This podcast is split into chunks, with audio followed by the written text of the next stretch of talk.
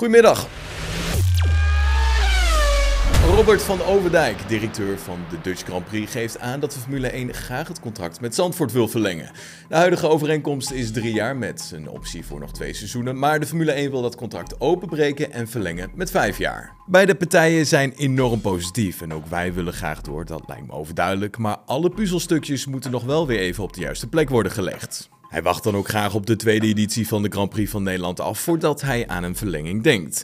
Het zou logischer zijn om het daarna te doen. Uiteindelijk wil je ook zien dat die tweede editie net zo succesvol of eigenlijk nog succesvoller kan zijn. Al dus van Overdijk tegenover motorsport.com. Gaan we door met Max Verstappen, want die heeft met de langste overeenkomst uit de geschiedenis van de Formule 1 ook zijn vertrouwen uitgesproken over het nieuwe motorproject van het team, namelijk het Red Bull Powertrains project. Ja, want vanaf 2026 geldt er namelijk een nieuw motorreglement binnen de Formule 1. De huidige power units worden tot dat moment bevroren en de motorfabrikanten kunnen zich opmaken voor de nieuwe reglementen.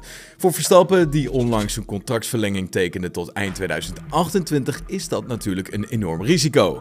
Mocht Red Bull de plank misslaan bij het creëren van haar eigen krachtbron, dan wordt Verstappen geconfronteerd met een niet-competitieve wagen. De Limburger ziet risico, maar vertrouwt op zijn renstal.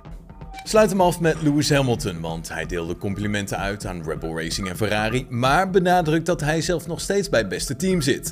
Mercedes leek in Bahrein niet over het snelste pakket te beschikken, maar goed, dat kan tijdens de Grand Prix van Bahrein weer helemaal anders zijn. Met de W13 heeft het team van Mercedes gekozen voor een radicale interpretatie van de regels. Ondanks de enorm smalle sidepods heeft het team nog altijd last van porpoising en moet het de auto nog optimaliseren om de strijd aan te gaan met de andere topteams.